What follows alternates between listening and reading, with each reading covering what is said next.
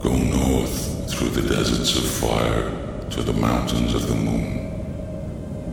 Then east through the canyons of ice to the edge of the known world. There you will find what you are looking for. Ragnarok.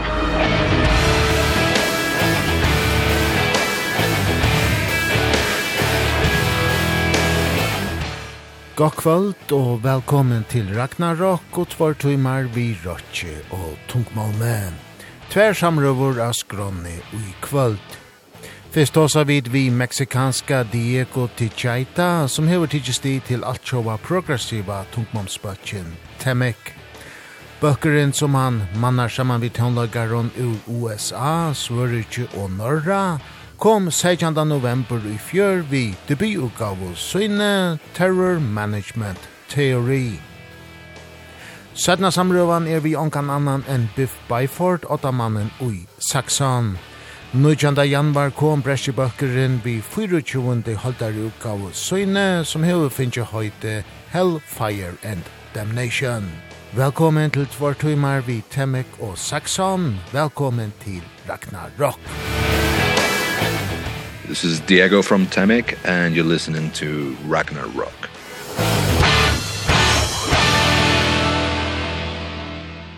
Temek er nutjur progressivur superbalkur, stånaur av meksikanska Diego Tijaita og amerikanska Eric Gillette. Tvair runter tånlagarar.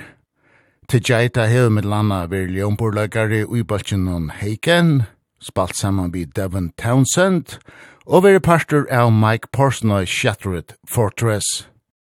Gillette er gitarløykare som Østni hever veri vi i Mike Portnoy Shattered Fortress, omframt at han Østni hever spalt vi i The Neil Morse Band.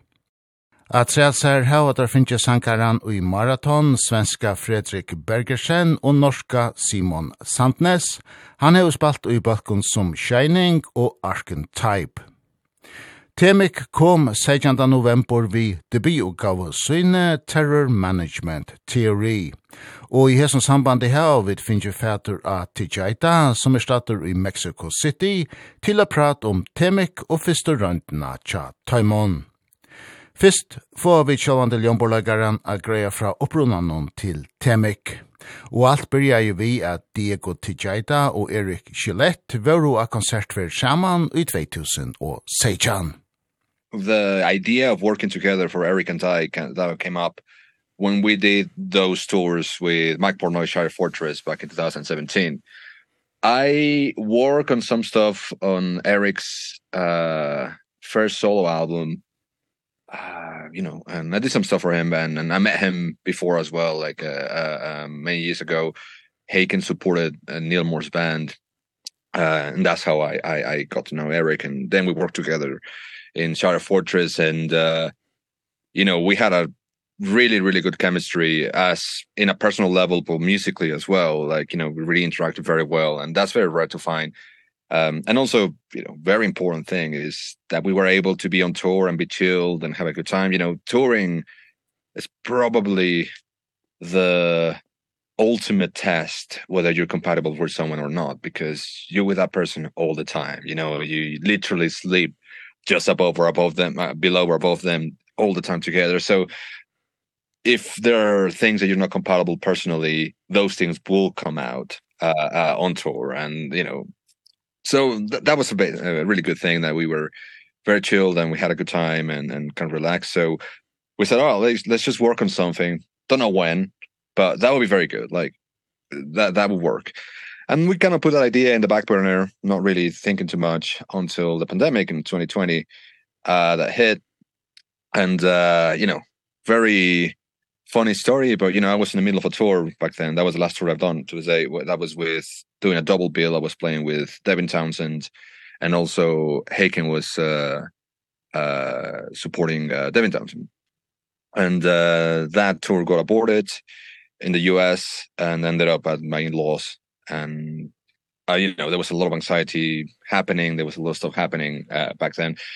So i just started writing stuff. I was like okay i think uh i want to start something new. I want to start something fresh. Uh i didn't know for what. So i started writing stuff with no intention at all. I was just writing in the basement and just to kind of keep my mind off anxiety. And eventually it started taking a shape and i called eric and i said hey you know we talked about this before.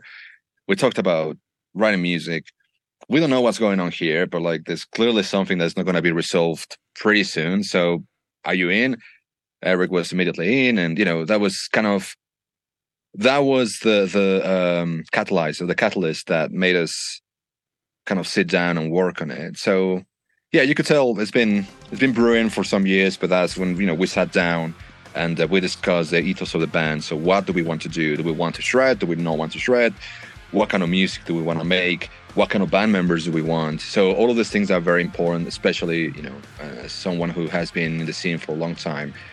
Knowing a good sense or having a good sense of direction and I would say like the path you're going to take is incredibly incredibly important to set down from the very beginning. So yeah that was that was it. The rest of the stuff you know we got Simon we got Frederick and you know the, the album kind of developed over time. Yeah. so yeah. sunshine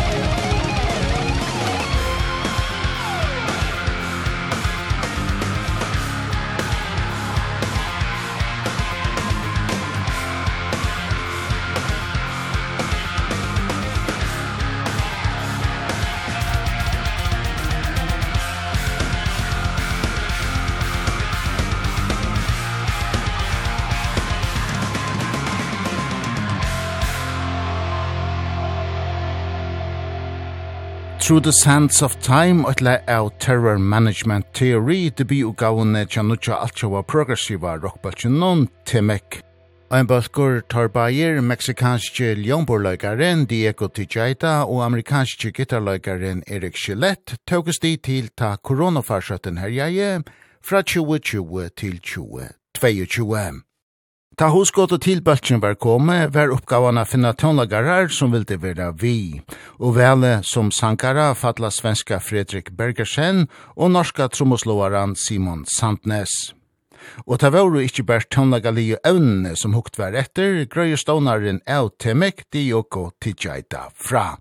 As I said, Eric, to me, it was a clear choice uh, for many reasons. Uh, he's an incredible multi-instrumentalist. Uh, he's you know he knows production and uh he does many many things. Like the last uh, the last video that came out uh, falling away he's the one who did the visual effects like that sun that kind of turns to kind of in a black hole. Uh he did all of that and i didn't know. But you know he was my first kind of obvious option because we said it and we work well together. And then when we got together to talk about the the band and the ethos of the band uh, for Temic, we agreed that we wanted people that are incredible musicians. So we want people that are excel at what they do, um, but that's got to be the bare minimum. Uh, we wanted that, but also on top of that, someone who has an extra set of skills because, you know, music is as important as it is when you're in the music world, in the music industry, it's only a part of it especially in today's climate that you have to do a ton of things. You have to be your writer you have to be your sometimes your PR guy you have to be your web designer you have to you know video editor. There's many many things that need to be done apart from just playing. So that was one of one of the ethos we had is we need to get people that have an extra set of skills so we can actually put them to use. And thirdly and equally important is uh set of people that are incredible musicians with an extra set of skills but incredible people too. As i mentioned the element of being on the road and and being with someone it's uh is really important for the mental health for the environment to be with someone you actually can have a good time or if there's conflict you're able to to um you know resolve conflict in a positive manner so those were the three things that that were the most important things to select a band member. Uh so obviously the first person that comes into our, our minds was Simon uh the Simon Sanders the drummer. We met him as well as the Sheriff Fortress tour. He was working as a staff member on that tour and uh he um I also toured a couple of times with him because his uh, band Archetype supported Haken. So uh, I knew how he was. I spent a long time with him and we've been really good friends since then. Eric knows him too and I told Eric, you know, Simon is an incredible drummer man and he's we need to get him before someone else does because he is really really really good. Um so yeah, no that was that was and he's an incredible videographer. He's he did all the production for the Fallen Away video and as well the editing and post production for the first video. He's the one handling most of the of the social media. So hits all the spots that we were talking about you know like incredible musician extra sets of skills great dude. So you know obvious choice. Um so yeah he was he was up for it immediately. Uh and then he's the one who recommended Frederick. Uh we were just talking about and as you know vocals the voice is extremely important. You know how many times you heard people saying yeah i love the music but the vocals oh it's not my thing you know?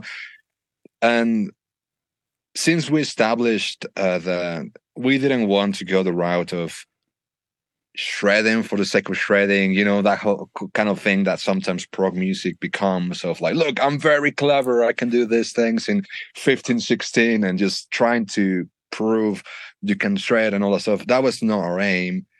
Uh, you know we discussed like okay if we need to do it we do it. And we can do it. We're, we're capable of doing it. We're doing this enough. But that's not going to be the focus. The focus is great what we perceive as good music. Strong songwriting strong lyrics powerful music. If there's a need for uh virtuosism let's put it into place. But the vocals we want to create something that is uh enveloped by of the main thing the far front it has to be the vocals the vocal melodies the lyrics the message. And that is a very very important thing. Um and the lyrics and the polls to have something that has polls by the way. So that's why the the, the deciding of who would join vocals was very taxing job like thinking about what kind of voice. And uh when Simon recommended Frederick I've never worked with him before but I listened to to what he did. We sent him one track and he did like a little audition tape.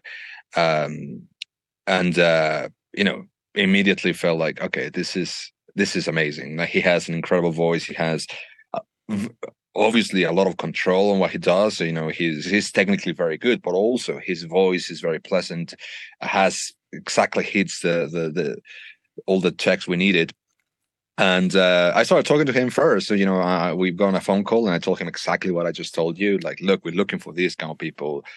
This is extremely important. And he's just such a down to earth guy uh that immediately it was okay, you're a cool dude. Like we we we get on well, we work well together. He's also used to uh doing a lot of the admin work for his band Marathon. So he is not only a vocalist that comes, you know, shows up with a microphone and sits down for the loading and load out.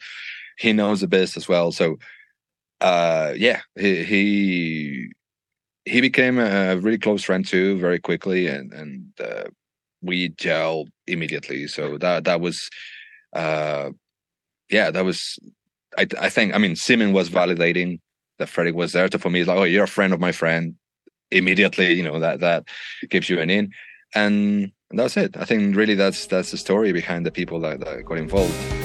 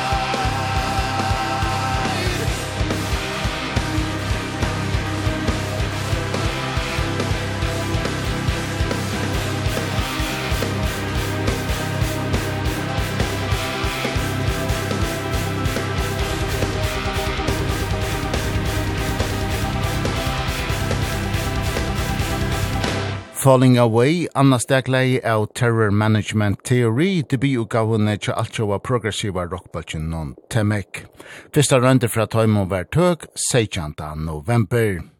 Ta Diego Tijaita heie sauna limenar til Nutja Bøksøyn var neste oppgavan å finne et navn, og det var ikke bare som å sia til In every level, in the kind of immediate level, I think it's very complicated because every name you can think of is taken honestly if you think about like how about like the pizza shenanigans of Dr. Slush you look it up and in Spotify there's a band that is called the pizza shenanigans of Dr. Slush like and even though they have two followers or two listeners they exist and so um it is it is a very complicated thing secondarily i think in a more deeper level uh you know there's bands that use kind of ridiculous names of like you know whatever it is. That don't necessarily mean anything and that's fair you know whatever you want to do. Is your band you can call it whatever you want.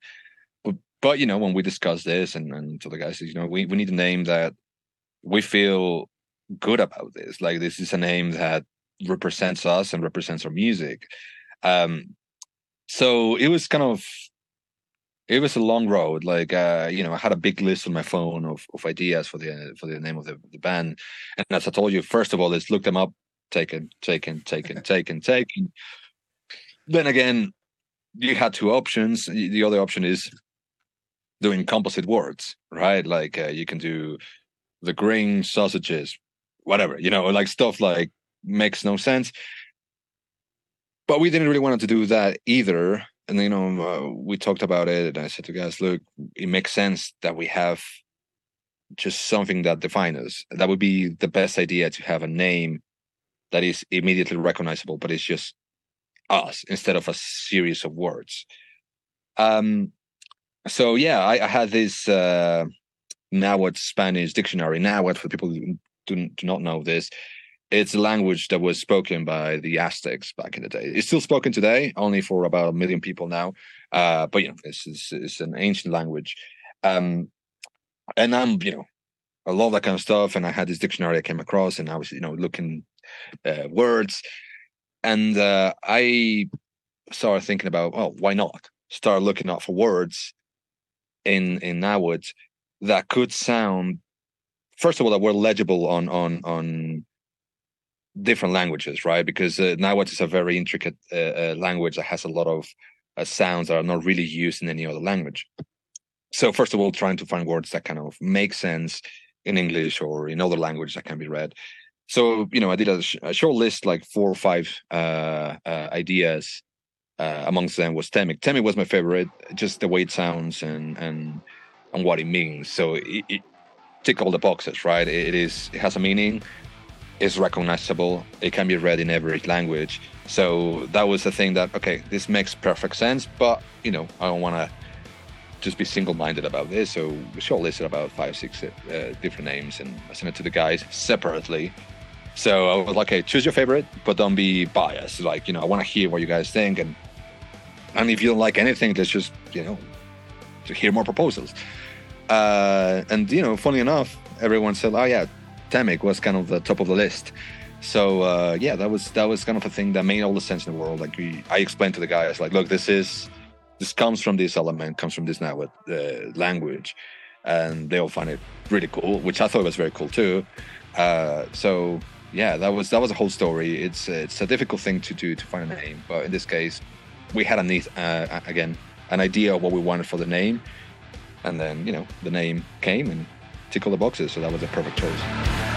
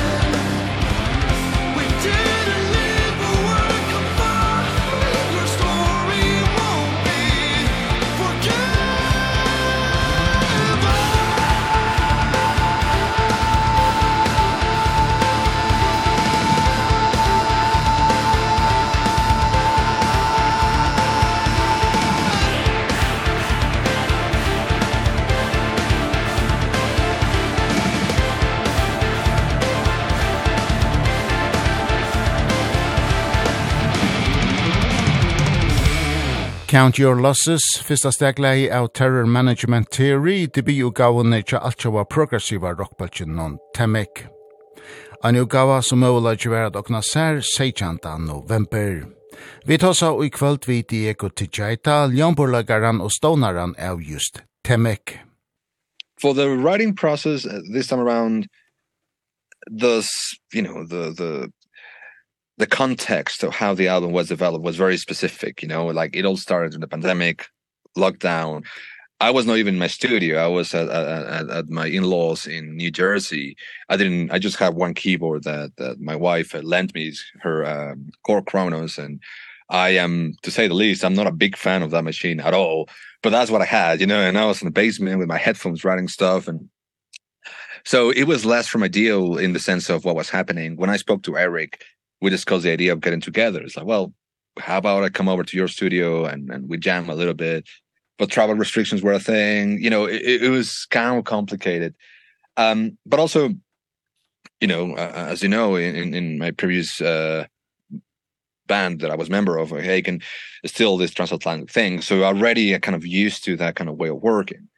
Um so a lot of the writing process as I told you when I when I spoke to Eric I already had some ideas lying around like some demos which I sent to Eric and Eric sent me back his his take on them and vice versa. Eric sent me some tunes he was writing on and and you know I was sending back my take and um so a lot of the writing process kind of went that way. So sometimes Eric was busy doing other stuff preparing for more space so he was also doing music for um this uh, series uh, which is very impressive. Uh so i was working with frederick like hey i'm working on this tune. I have an idea for this vocal melody but i'm working i don't know what's the chorus going to be like. That was falling away for instance. I i work on the vocal melody and then initial lyrics for the verses but i had no idea for the chorus. And i sent frederick said like i have this idea for the chords but i don't know the melody. And he sent me something back and i was like okay that sounds great. So in many ways i was kind of in the middle talking to people and getting everything organized sending the files over back to me um and you know everyone got involved uh to one degree or another. Uh so that was mostly of it. It's like we we demo the album uh so we pretty much the demos sounding like a finalized product almost but it was a demo which was good because the demo sounded really good so therefore the production could be better. Um we we once we had the full full album uh, demoed and you know the track listing and the whole thing makes sense we go into the production. We recorded the drums and vocals in uh Sweden in uh, Gothenburg uh with J Jacob Herman um uh, top floor studios. Um incredible dude like super specialized on drum recording and you know you you poke him and he plays drums that kind of guy who you know microphone placement and stuff. So very impressive. I mean we we did the whole album in one week i think like 7 days at the studio. I mean when i spoke to the guys when i spoke to you know uh, Frederick and Simon they're both in Norway i said look I, i'm coming over. Eric was busy so i was like i'm i'm coming. Um in the past i've done a lot of vocal productions for albums so normally you know i'm, I'm kind of used to that and i'm actually feel very comfortable in that position. Um drums and stuff like I know how to record drums but I'm not a specialist in terms of microphone placements and all that kind of stuff. So you know the idea was like Simon was going to record drums during the day and at night we were going to record vocals. Uh which was very taxing as taxing as it sounds. Um but you know Simon an absolutely incredibly capable drummer most of the songs he did in one two takes and I'm not exaggerating you know it's it's very usual that uh, especially in this kind of more technical uh, genres uh, people record stuff on you know segments or they do like big compilations and you know try to kind of get it right. And Simon is just like full take full take full take. It's I've never worked with anyone that has the level you know and he told me well I spent months before practicing. So super quick. So he will be end up he'll he will be finished recording around 5 6 p.m. then Jacob will go off and then uh, uh Frederick and I okay 7 p.m. till like 2 3 a.m. recording vocals it's uh it was pretty brutal you know like doing a full day recording but we got the whole album done um so that was it yeah no the rest of the stuff um my beats of course I record in my studio uh uh, Eric recorded his stuff at his studio of course. Eric also sent the the backing vocals he did. He produced those backing vocals. Uh we had a couple of guest musicians of course. Uh, uh, Jake um, Umansky Jake Umansky who did the the bass for the whole album. Uh we also had a choir in uh, the Masala tune. Um so you know all that stuff was done remotely and uh you know got all that stuff done. Nice and clean and tidy up. We sent to Rich Mouser who you know did the, the mixing and mastering. So uh yeah the actual production process i don't think it took that long because everything was ready. There was really not a lot of surprises. There was a couple of things that we tried in the studio you know like trying different things which is amazing. When you prepare and you're able to try new things um but you know i think most of the work happened before you know having everything demo everything uh, you know so we just had to execute again the the the plan and the album and that was it.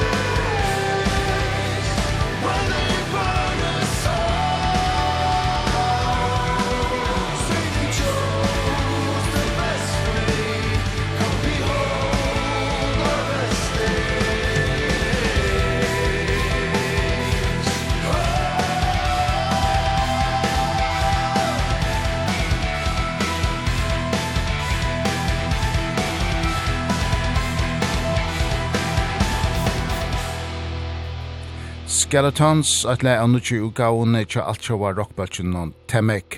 Debi ugawa torra Terror Management Theory ver utgivin 16. september.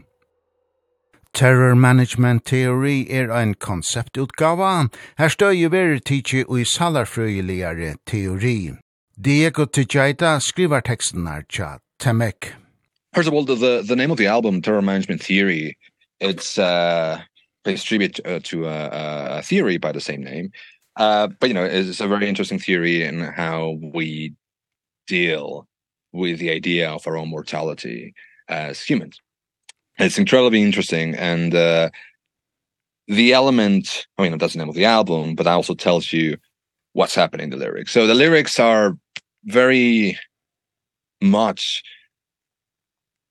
it or like uh, the underlying theme of it is our mortality is our death but not necessarily in a negative way. You know I, that's i'm always kind of reluctant to mention this word or because it's in our western civilization it has kind of like almost like a death metal doom like you know uh, uh connotation to it but it's not that. It's the idea of mortality and the idea of or the reminder of that our days are finite our time is finite. And this kind of existential positive existential aspect because you know you could be existential in a negative way of thinking oh we're all going to die. Well does it matter i'm going to die. Or being we're going to die i need to live right? Like this is i'm not eternal. I have this finite time and reminding reminding yourself that that's going to happen gives you the incentive of fully live or live to the full extent.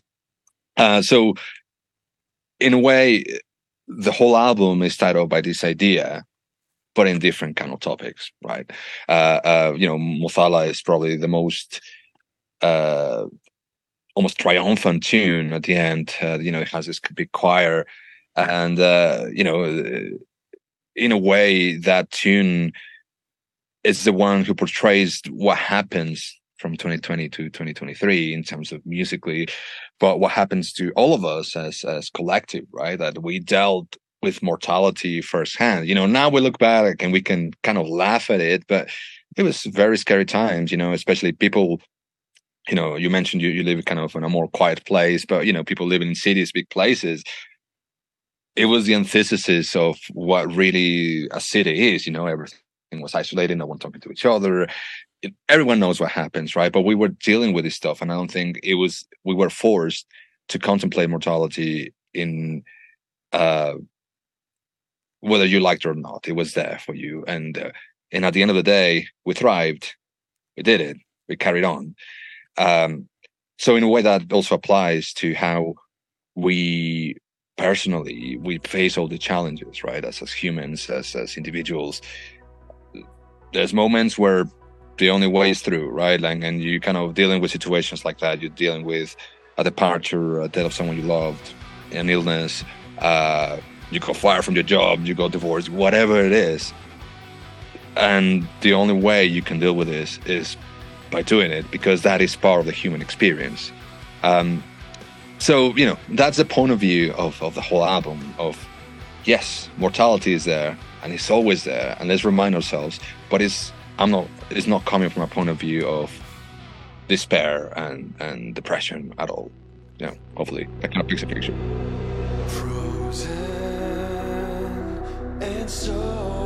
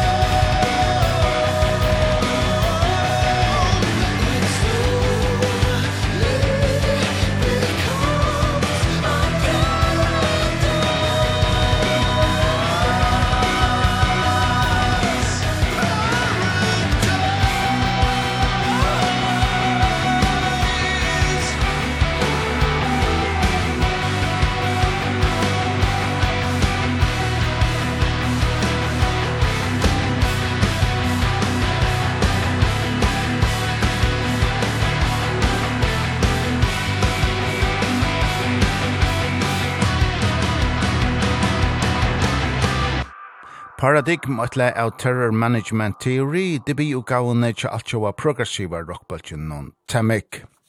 Nu er fyrsta røyndin tja temik tøk og stendet her opp til stånaran Diego Tijaita, så er hette ikkje bært ein studioverk atlan, men ein bølgur som lustarnir om stutta tøy, æsne kunne oppliva live.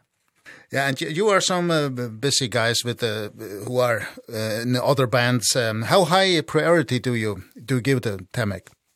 if you personally for me it's 100% like this is this is home right? Like and I, that has been the thing since the very beginning of okay and this is a new home musical home for me. And uh, from the guys I've talked to from the very beginning when I spoke to to to Eric and Eric said like yeah man I'm really looking forward to this. Uh, you know I understand like Eric has uh, um, their Morse band and everything but uh, you know his from the very beginning he was absolutely committed and he was sharing the idea of like this is not a project this is not a studio project. We want to tour we want to play we want to uh get out there and and you know start climbing the ladder you know as it is. You know you, you start with your albums you start kind of going to circle and so definitely it is a career move is is is not a one off and uh, you know a lot of resources have been invested in it already you know not only time but of course money when you start something new you have to kind of put put down a lot of stuff and and and of course time especially as well right? So uh, as i mentioned it's been 3 years now since we started working with this and you know for many reasons. First of all the world situation then when it's the first album there's a first band you have to go through extra processes right? Like from getting management getting a booking agent getting a label all of these things take a ridiculous amount of time you know it's just so it, it requires a ton of work but that was also a thing that we wanted to do things right you know it was it, it was not like let's just put it on on bandcamp and where buys it you know we want to do get a label get a book agent get everything in place. So all the the the you know the basis for a good structure is there. So, you know, from now on, it was not going to take us three out three years to release an album because now it's only we can focus on the music instead of having to focus on all the other things that take a long time. Uh so yeah absolutely. Uh so Eric was definitely on board and he has been 100% on board as well and uh, same thing committing all this time and and you know knowing that this whole elements like family and and work and stuff still there and solid and same thing with Simmons and with Frederick. So you know everyone is like no they we all have this hope for this um for this, and this aim for this band to become a career. Uh so it takes time and this is the moment when we have to kind of work the hardest I think. This was the beginning. Uh but yeah this is it. So this is a band and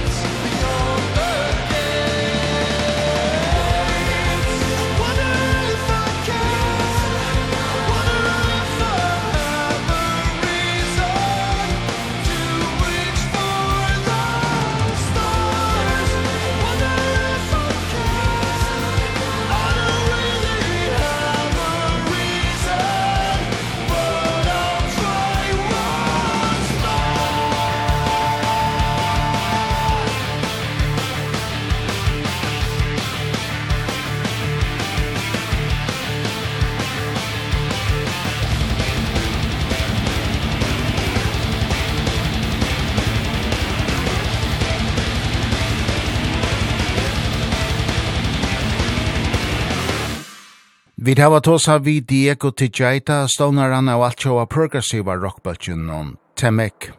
Vi vidgjør då debututgave Torra Terror Management Theory, som var utgiven 16. november. Vi spalte oss de fleste løgene av disse første røntene Temek, og nå til senast hørte vi Once Again. Once Again.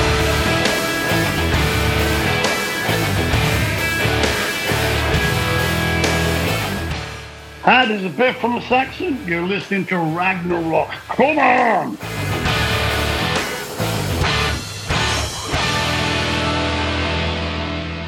Nøytjanda januar kom brestjebalkeren Saxon vi 24. holdare og søyne, som hever finnje høyde Hell, Fire and Damnation.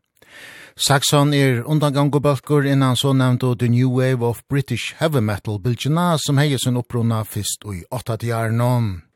Og utgaver som Wheels of Steel, Strong Arm of the Law og The Neem and Letter standa i det som verar innan New Wave of British Heavy Metal, Grønna. Saxon hever sin uppruna i Barnsley i 1905 og er opprona mannen kynne er nu bersangaren og ottamaveren Biff Byford etter. Hin uppruna limeren, gitarlegaren Paul Quinn, avgjørte i mars i fjør at heg han stekk fra Saxon og hos hana seg om bøksøyn til Kars og i stegen. Og han er av Hellfire and Damnation, avlaster av Brian Taylor, gitarleikaren og gjennom øren av klassisk New Wave of British Heavy Metal bakkenon, nemlig Diamond Head. Vi hava om vi i Zoom finnes året av åttamannen Biff Byford til å prate om Hellfire and Damnation. Og det er en velopplagtor 42 er gammal Byford, vi får året av stått for jul i fjør. So you are 72 years old now and you've been part of the music business for over 50 years now. What is driving you? Well, writing albums really, writing songs. We're always trying to write the perfect song or the perfect album, you know, we're always I mean, you know, the albums touring it's what gives you the juice, keeps you young at heart. So, um yeah, just drives me uh you know, it drives me to write new material all the time. You know, that's the, I think that's the secret. Yeah. You know. And your voice is still very strong. I, I don't really do anything with my voice, really. Yeah, you know, I don't drink hard liquor and things like that on it. So, you know, if I'm going to have, if I'm going to have uh, some new more, something, I'll mix it with, you know, something else. So I try not to burn my, uh, burn my vocal cords with things that are too strong. But, so I don't really do anything now. And you had had a, had a stroke for some years ago, and but you are are still very fit. Yeah, I'm pretty good. You know, pretty good. Uh, you know, yeah, keeping it together. Really, I mean, can't really keep fit over Christmas. Mostly eating and drinking, but um, yeah, you know, come January, I'll be uh, I'll be exercising again and get some stamina up there. Hellfire and Damnation byrjar vi til Prophecy, her vi høyra breska sjånlagaran Brian Blest lesa eina iverlysing opp. Og Blest var at opplagt vel til oppgavene, heldur at meveren ui Saxon, Biff Byford. Well, I just thought it'd be nice to do, you know, to explain what the song's about, you know, the battle between good and evil. And uh, it's a bit of an ages thing, um, you know, doing that. So I thought, yeah, let's bring a bit of an 80s feel to the album. And uh, I'll ask Brian to do the, the prophecy, you know. From the beginning of time, the powers of good and evil have been battling for our souls. A war stretching into eternity, fought between heaven and hell. Light versus dark. Is this a myth? or is it true? The oldest tale on earth, the prophecy of hell, fire, and damnation. The Prophecy, fyrsta skjering av Hellfire and Damnation, nutji utgaven tja Saxon. 24. utgava torra vertøk, nutjanta januar. Vi tar då breska sjånlagaran Brian Blest, lese hessa særlig og iverløsningsnavn. Og i mars i fjør boa i gitarlegaren Paul Quinn fra at han etter 24 år hei avgjort at hega en stekk fra Saxon, og i stegin for å hosana seg om The Cards, hinbaltjen han er pastor av. Hesa avgjør er Biff Byford sjálvande kjettur om, til kvinn vær saman vi honom, einast i opprunna limeren som var etter i Saxon. Well, we're quite sad, you know. I mean, he has, he has talked about it for a while. It's not, it's not something new that came out of the blue he has been talking about it, you know, sort of every, every time we're on the tour, he'll, he'll say, you know, you know, I'm, I'm finding it hard or I don't really want to do this anymore. So, um, so yeah, we, we, we were sort of, uh, we weren't surprised that he did it. We were just a little bit surprised that he did it in the middle of a tour. But, um, yeah, I mean, yeah, it's, uh, you have to respect his wishes. Uh, but we do miss him, yeah. And is is he done with the Saxon, or can we expect to to see him in, in the future? Well, he played he played a couple of things on the new album. Um, yeah, we, yeah, you can expect to see him. You know, he's still with us, really. Uh, so you know, if he comes up with some great guitarists, we'll probably write some work songs with him. Uh, so yeah, just uh, you know, maybe he'll have a rest from playing sort of heavy rock, heavy metal, and come back with some great riffs. You never know. Ein av sangen nun a Hellfire and Damnation er personligur fyrir Biff Byford. A Fire and Steel lyser han stalarbeidarnar og luivi ui Sheffield ui i Shetjarnon ta han som tannaringur vitsai bojen. I used to go to Sheffield. When I was a teenager, I used to go to Sheffield to see the bands, you know. I saw a lot of bands there in, the, in Sheffield City Hall and the pubs. So we used to go, me and my mates used to go to Sheffield every weekend you know, every Friday night, Saturday night, and watch the bands, and get drunk, you know, and try to pick up girls. But, um, yeah, it was just one of the big, big highlights of my early years, you know. Well, it was the 70s, and the thing is, you know, Sheffield was very famous for steel. Uh, so if you were eating with a knife and fork in 1970, you would have probably been eating with Sheffield steel. And, uh, you know, they make, they make some steel for the space shuttle and all sorts of different things. So they're quite famous, Sheffield, for steel. And uh, it's only a little jump from steel to metal, isn't it? So it works pretty well. Yeah.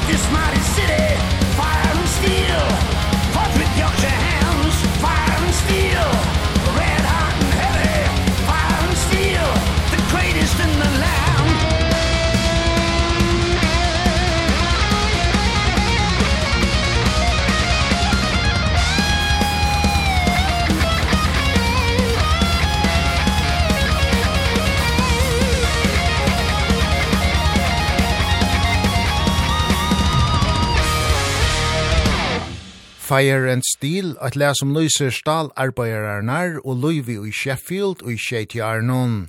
Lægi er via Hellfire and Damnation, fyrutjun i utgavene Chabreska Bøtjenon, Saxon. En utgava møvuløyke verat okna ser 9. januar. Som av nevnt, så avgjørte gitarløygaren Paul Quinn i mars i fjør at han stekk fra Saxon. Nutcher avløysere skulle finnast, og vele fall av trujetrush er gamla Brian Taylor, gitarløygaren i Diamond Head. Og godt vel heldur Biff Byford, og dem avurinn i Saxon. Paul got COVID, uh, I think it was last year he got COVID, and we were doing a festival. Uh, we didn't really want to let people down, it was like quite close force to it. So we asked Brian to uh, to learn learn some songs. Uh, I mean, Paul worked with him as well to show him some of the riffs and things.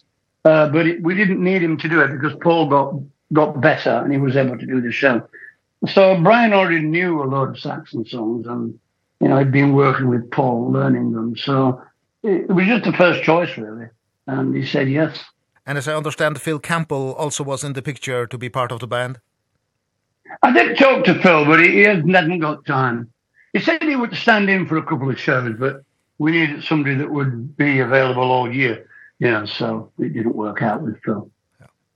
And Brian, he has left some fingerprints on the album. As I understand, you wrote some some tracks together.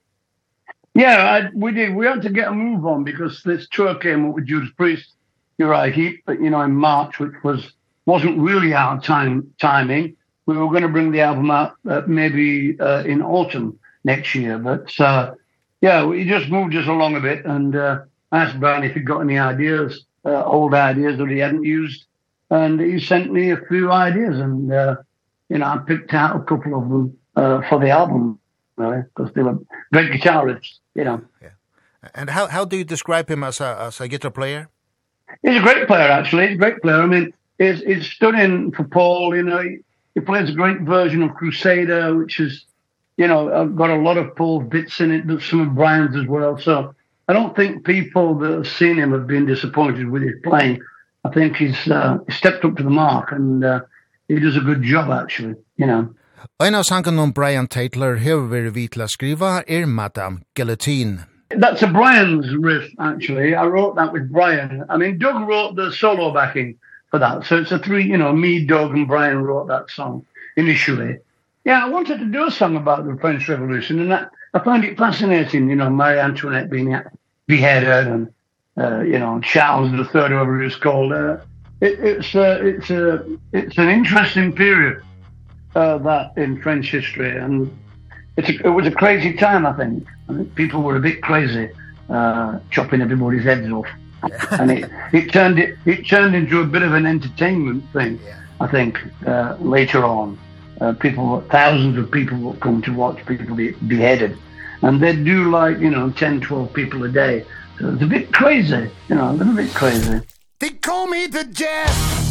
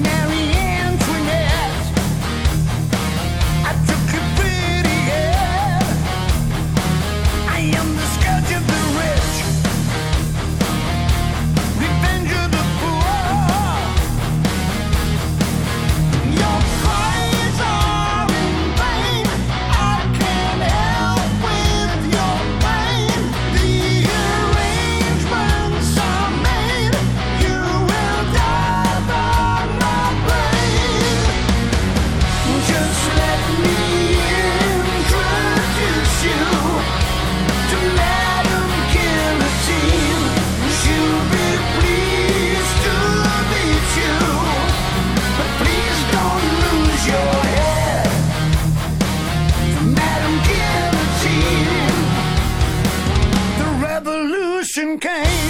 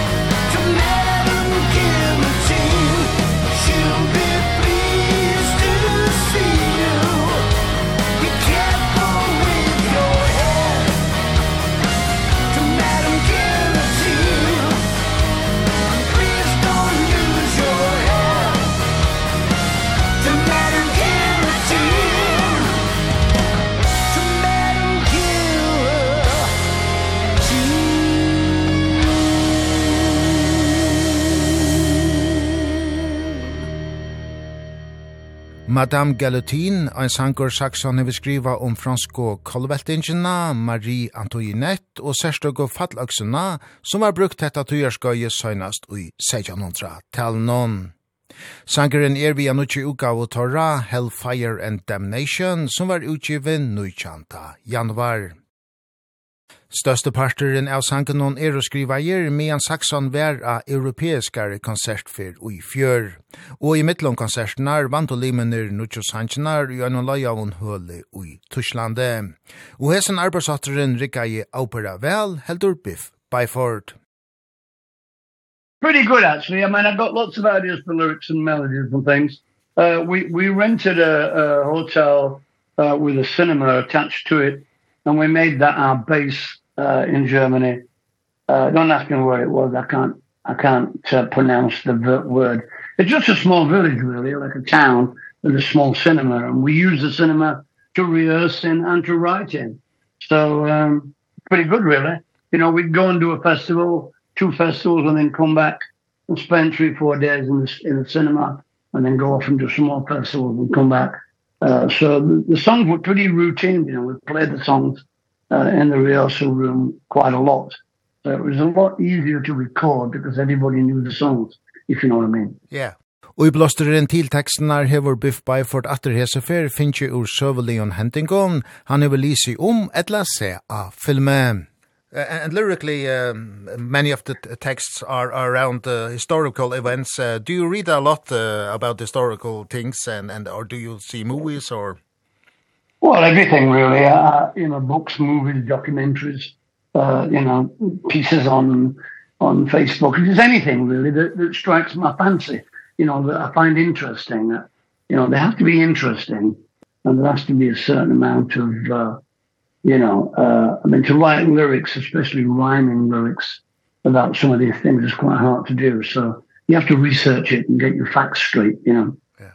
It's important to get the facts uh, right. It is, yeah, it is important, you know. Ein av hendingen som er via Hellfire and Damnation er ohappig i Roswell i 1900 og tjei og her han lotur datt nyer, og mong vilja vera vi at hetta vær ein ufo etla flikvante talerskor. Her grøyer Biff Byford fra Sanjanon, There's Something in Roswell. It's a conspiracy theory, which is always good to write about. Yeah, I think there was something in Roswell, like the song, you know. So, uh, Yeah, I, I tend to, um, you know, the, the, the, the, some magazine interviewed, you know, 2,000 people in America, and 95% of them thought there was something at Roswell. yeah, so um, I think people like, I think people like it to be a UFO, you know. yeah. I think it's, it's more interesting than a weather balloon. But um, yeah, I quite like UFOs. You know, if I'm if I'm in the garden, I'll always be looking at the sky and thinking, you know, yeah. oh, maybe I'll see a UFO tonight. And you know, you never do, obviously. But um, it's good fun, isn't it?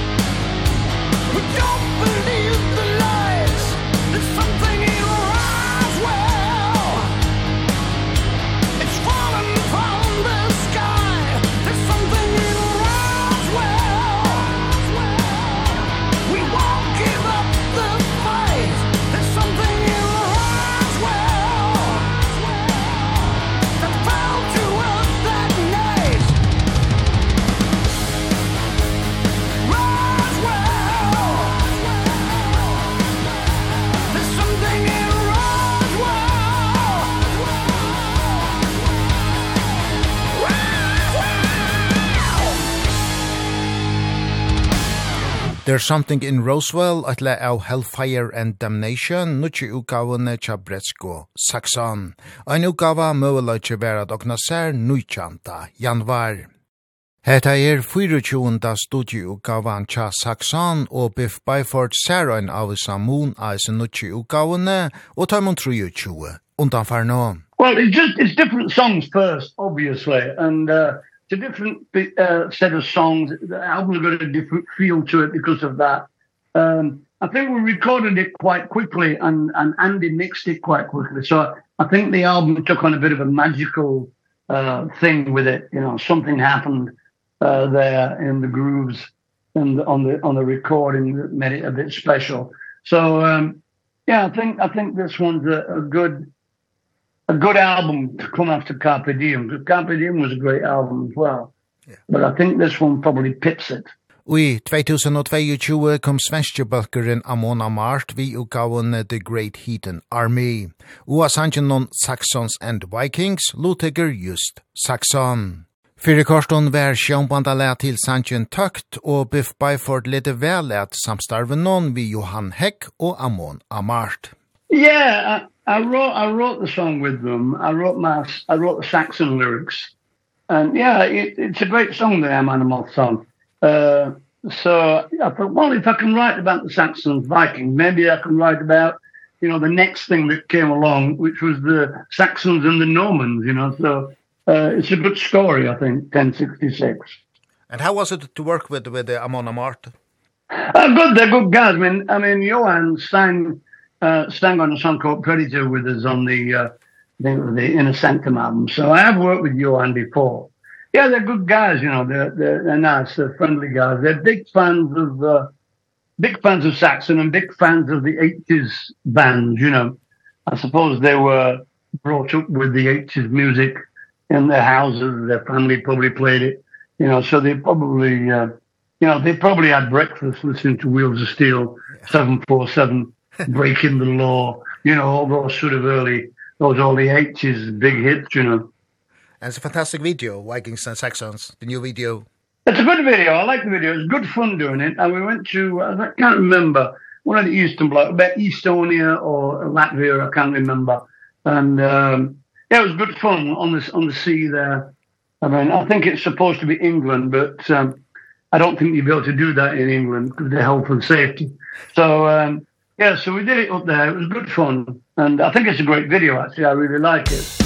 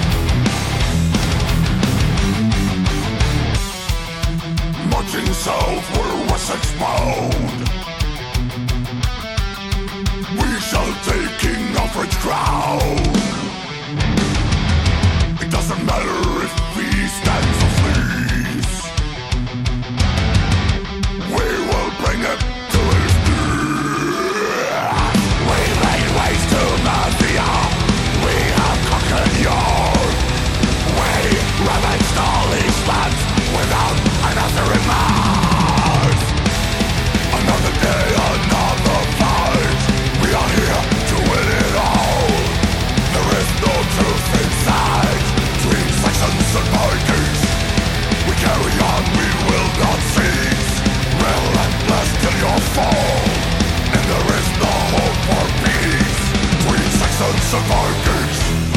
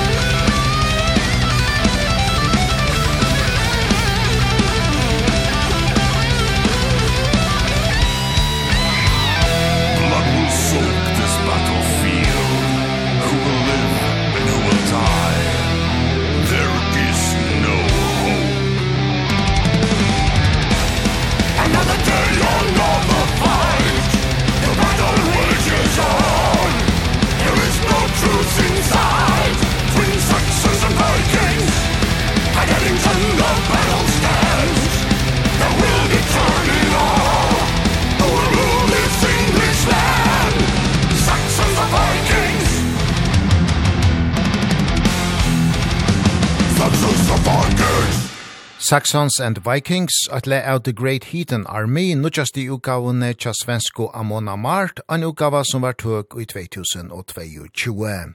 Som gesta sangara har vi gesten ui kvöld, Biff Byford, sangaran ui Saxon. Og i sanjanon høyra vit om krutje mittlen norrlensko vikinganar og bresko angolistanar. Krutje vi røysne vitjørsta nutje utgavene cha Saxon, Hellfire and Damnation. Alenon 1036 høyra vid om slæje vi Hastings ui 1036.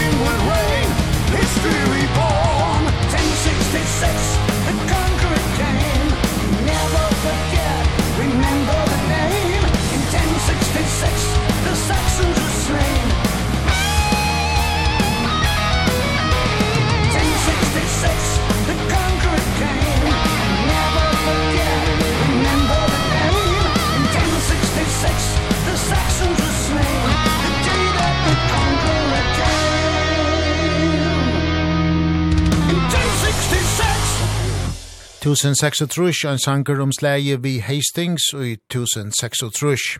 Sangeren er via Hellfire and Damnation, nutje utgavene tja Saxon. 24. utgava torra vertøk, nutjanta januar. Det er Andy Sneap som hever framløyt Hellfire and Damnation, og etter 5. utgavan tja Saxon, nekv umbetne framløyaren hever steg 4.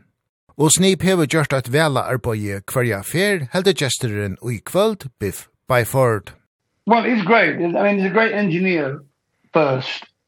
And he understands, he understands metal music, uh, definitely. I think he's probably the best, the best producer at the moment in the business for, for that. He did the Amon Amopa he did Judas Priest, he did Saxon. He works with Accept as well you know, he's got some good project coming. The thing is with Andy, he just doesn't work with anybody. I think he has to like the band to work with them. So, um, yeah, I mean, he's done, done, a, done a great job. I mean, this album sounds, actually sounds excellent. Probably the best sounding uh, Saxon album ever.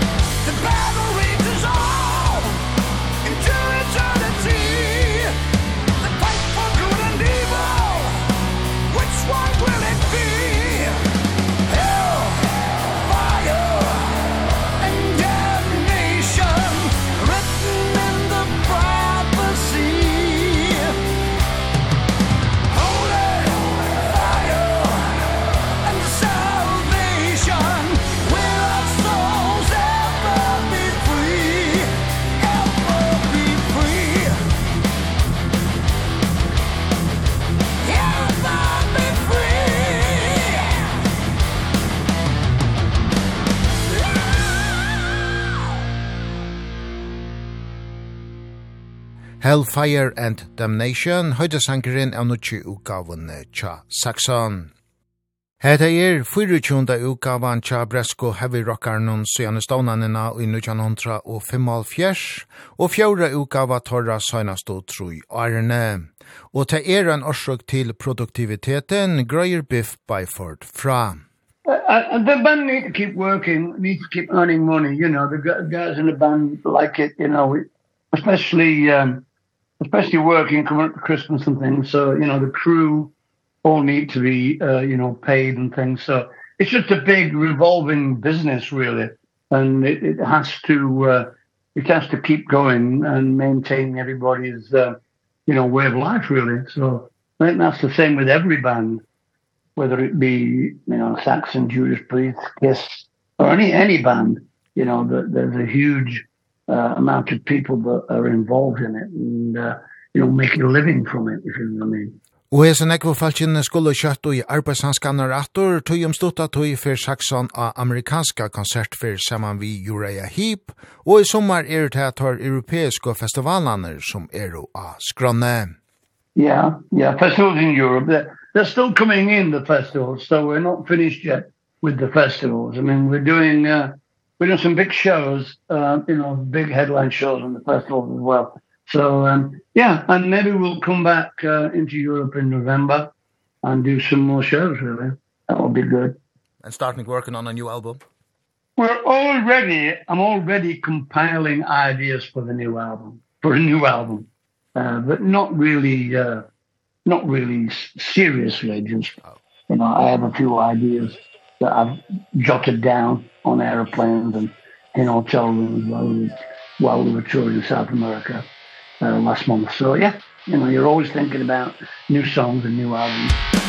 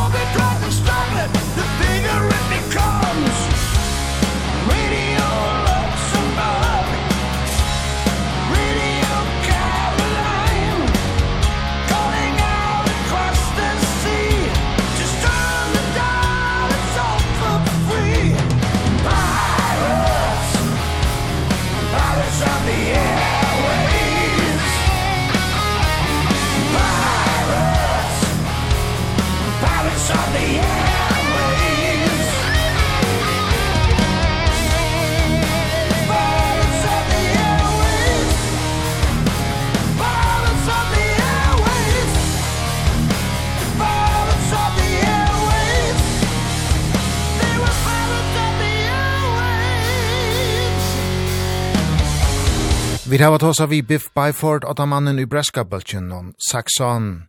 Vi pratar vi om nutje ugavu Torra, Hellfire and Damnation, som er den 24. i røyene fra Taimon. Vi spalte oisne fleste løyene av ugavene, og nu til seinast har du vid Pirates of the Airwaves. Om du hever onkra vi merking etla vil vita møyre om sendingsina, er møyleitje er for Facebook-baltjen tja Ragnarok. Her finner du playlistar og anna tilfær.